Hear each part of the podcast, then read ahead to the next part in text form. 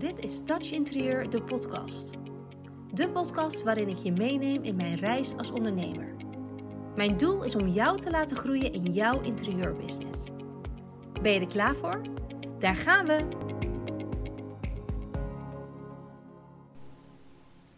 Als je mij al een tijdje volgt, dan weet je waarschijnlijk wel dat ik best wel direct ben.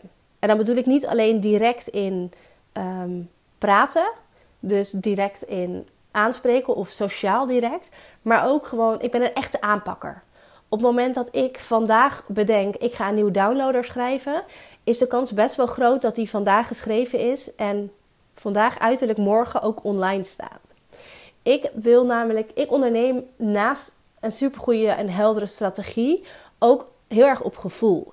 En als ik meerdere keren hoor um, dat ergens behoefte aan is, dat ergens vraag naar is of dat ergens uh, tegen aangelopen wordt binnen, mijn, uh, binnen de interieurbranche, dus binnen de groep interieurontwerpers, stylisten die ik heel veel spreek, um, dan vind ik dat mijn ja, soort van plicht, mijn missie om daar in te duiken. En dus naast die strategie vind ik dat stuk um, flexibiliteit, die creativiteit, dat vind ik ontzettend leuk in mijn onderneming. En ik ben ook altijd voorstander van om ideeën die in je opkomen um, gewoon te gaan proberen. En um, er is zo'n zo mooie uitdrukking: feel the fear and do it anyway. Ook al kan het mislukken, want het is, een, het is een risico. Ook al um, zit niemand erop te wachten. Ook al ga je iets doen wat niemand gaat kopen of waar niemand zich voor inschrijft. Of daar kun je zo ontzettend veel van leren. Maar ik wil niet dat stukje creativiteit kwijtraken. En ik krijg daar heel veel energie van. En ik onderneem daardoor, vind ik, heel lekker. Um, en ik wil jou daar ook toe uitdagen om dat ook eens te gaan proberen. Jij bent net als ik ontzettend creatief. We zijn allebei interieurprofessional en wij hebben allebei een passie voor het interieurvak. Um, en dat stukje ondernemerschap, dat kun je vrij interpreteren. Dus uh, je kunt ervoor kiezen om um, volgens een boekje te gaan. Ik weet niet of dat bestaat, maar volgens de regels te gaan ondernemen. Uh, maar je kunt het ook deels op gevoel blijven doen. En ik vind, um, ik teach heel, heel veel interieurondernemers op het stukje ondernemerschap.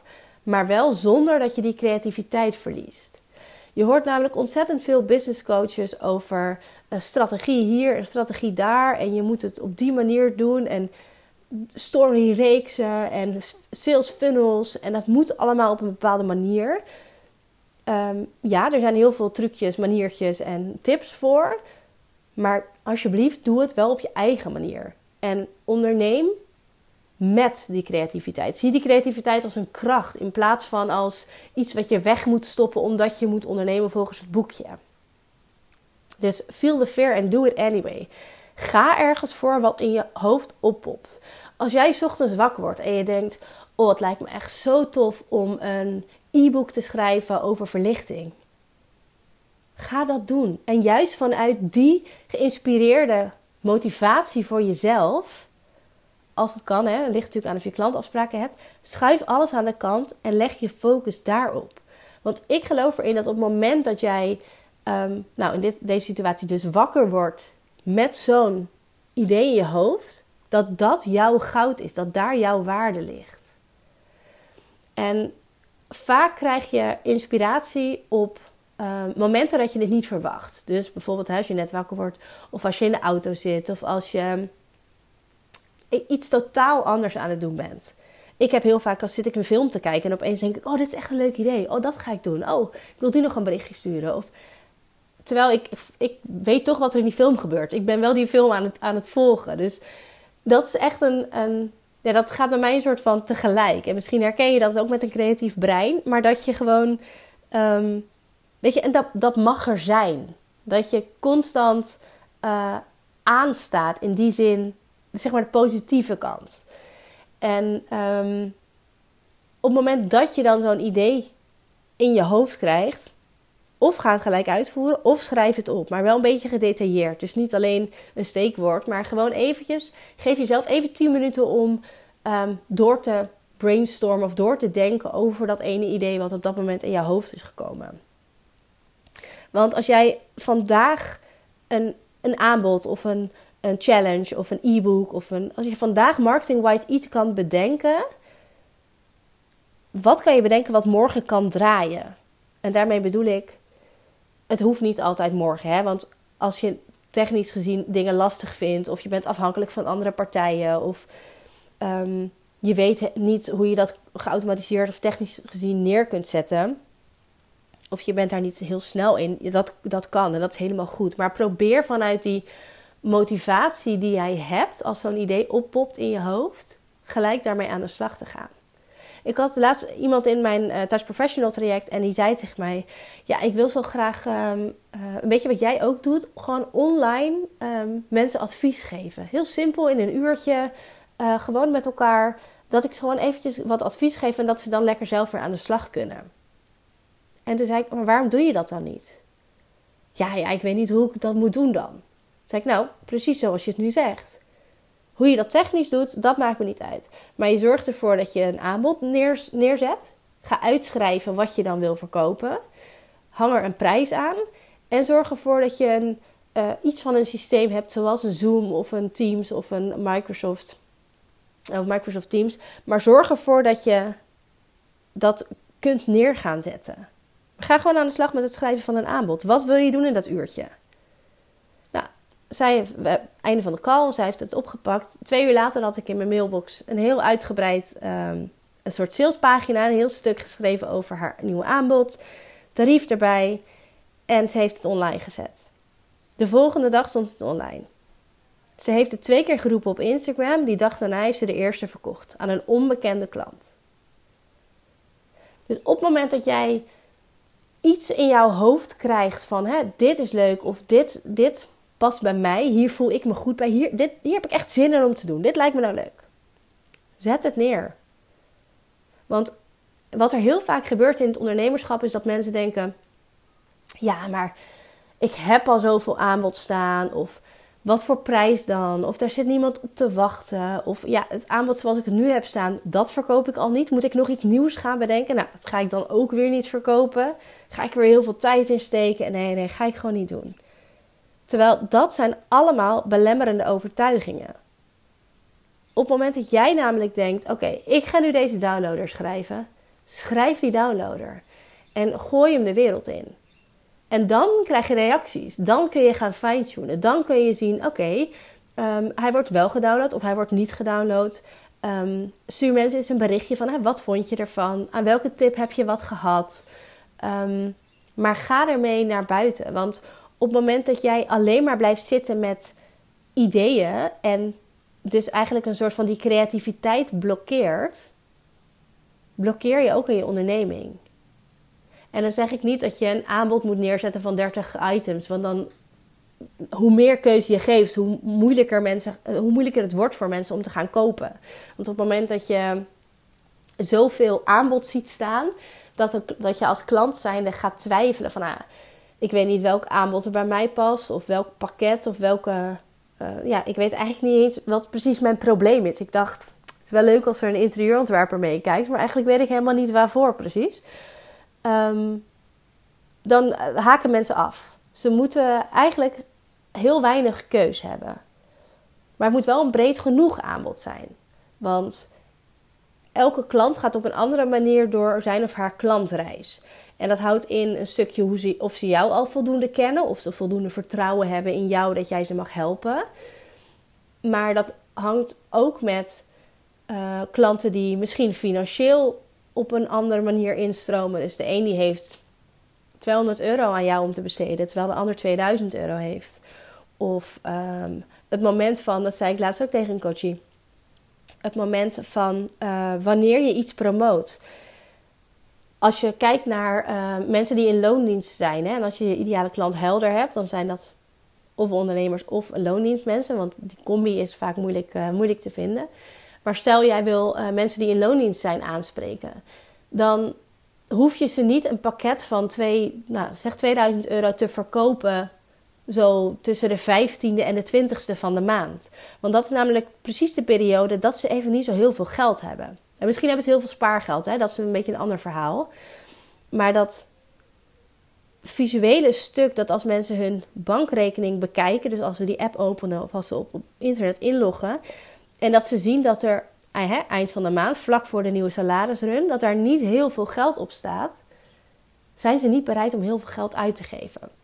Terwijl als je datzelfde aanbod de 25ste of de 26ste zou doen, ja, dan geven mensen echt veel makkelijker geld uit. Kijk maar eens naar jezelf en dan kan je mag zonder oordeel, hè, want het is niet goed of fout. Maar op het moment dat jij denkt, uh, ik heb eigenlijk wel eventjes nieuwe kleding nodig. Wanneer koop je dat dan? Koop je dat dan, uh, nou ja, zo rond de 18e, 19e? Of koop je dat rond de 27e, 28e? De kans is best wel groot dat je dat later koopt, dus na die salarisrun. En je merkt het dan ook altijd in de winkels. Hè? Dat is er ook altijd veel drukker. Ik was laatst een keer in Batavia stad. En toen liep ik daar en toen dacht ik, nou, wat is druk. Dat is zo'n uh, kleding outlet store in, uh, uh, waar is dat? Lelystad. En ik liep daar en ik dacht, nou, dit is zo druk hier. En het was helemaal niet warm of zo, het was helemaal geen lekker weer. Ik denk, nou, wat, wat doen al die mensen hier? Weet je, geen vakantie, wat, wat is het toch? En toen, nou, een uurtje later dacht ik, hè? Oh ja, het is natuurlijk, het is het 5 of 26ste. Iedereen heeft opeens weer heel veel geld. En dat zijn wel de momenten dat uh, je ziet dat ook bij tankstations.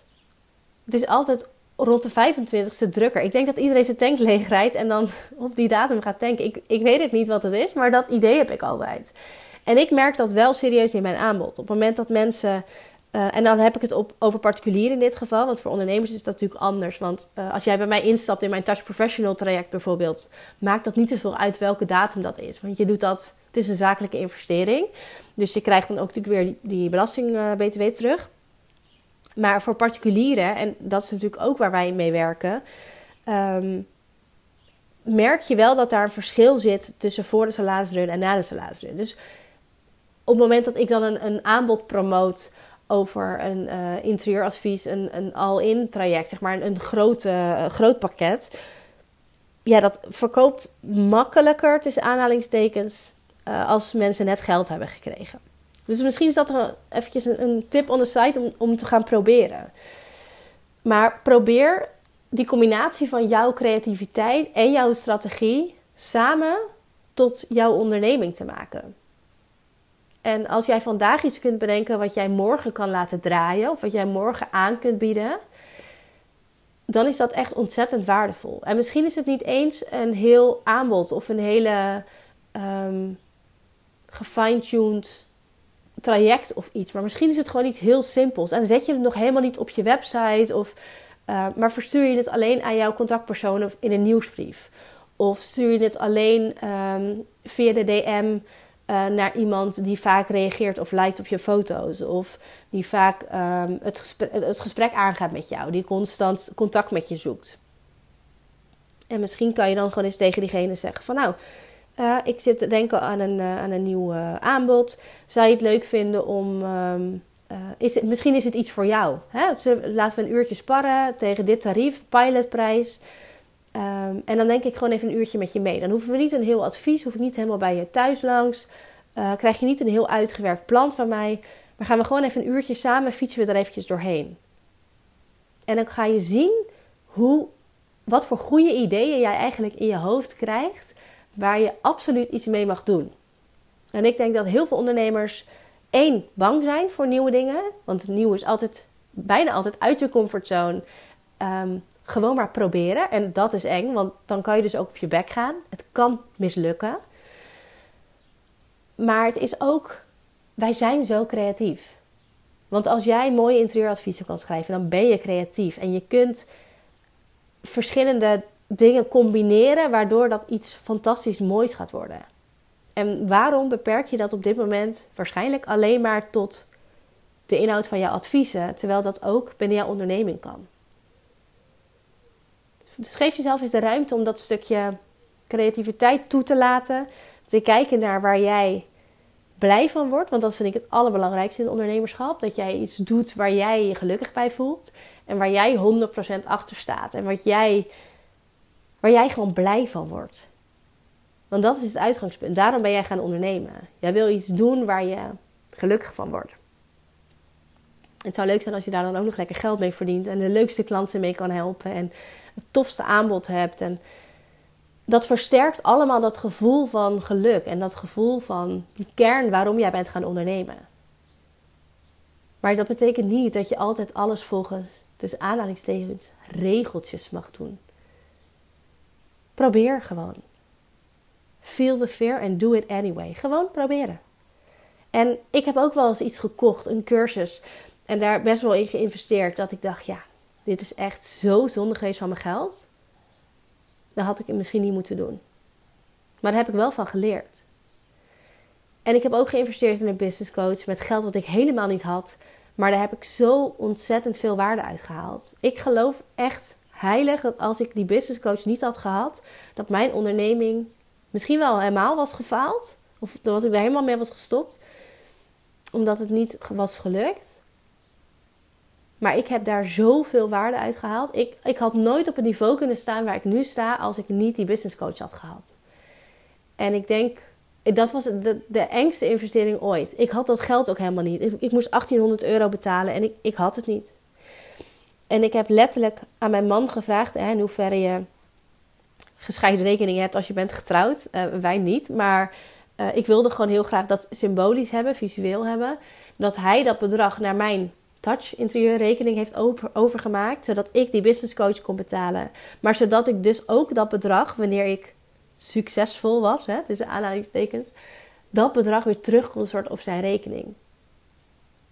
En vanuit dat punt ging ik alleen maar in een, in een lijn omhoog. En ik vond dat super eng. Ik was echt, ik dacht ja, ik, ik, had eigenlijk al een beetje in mijn hoofd, nou, dat, dat geld is weg. Want investeren met geld wat je niet hebt, ja, dat is echt wel een risicootje. Maar dit heeft mij zo ontzettend veel gebracht. En ik wil absoluut niet adviseren om jezelf in de schulden te werken of uh, ergens een lening aan te gaan.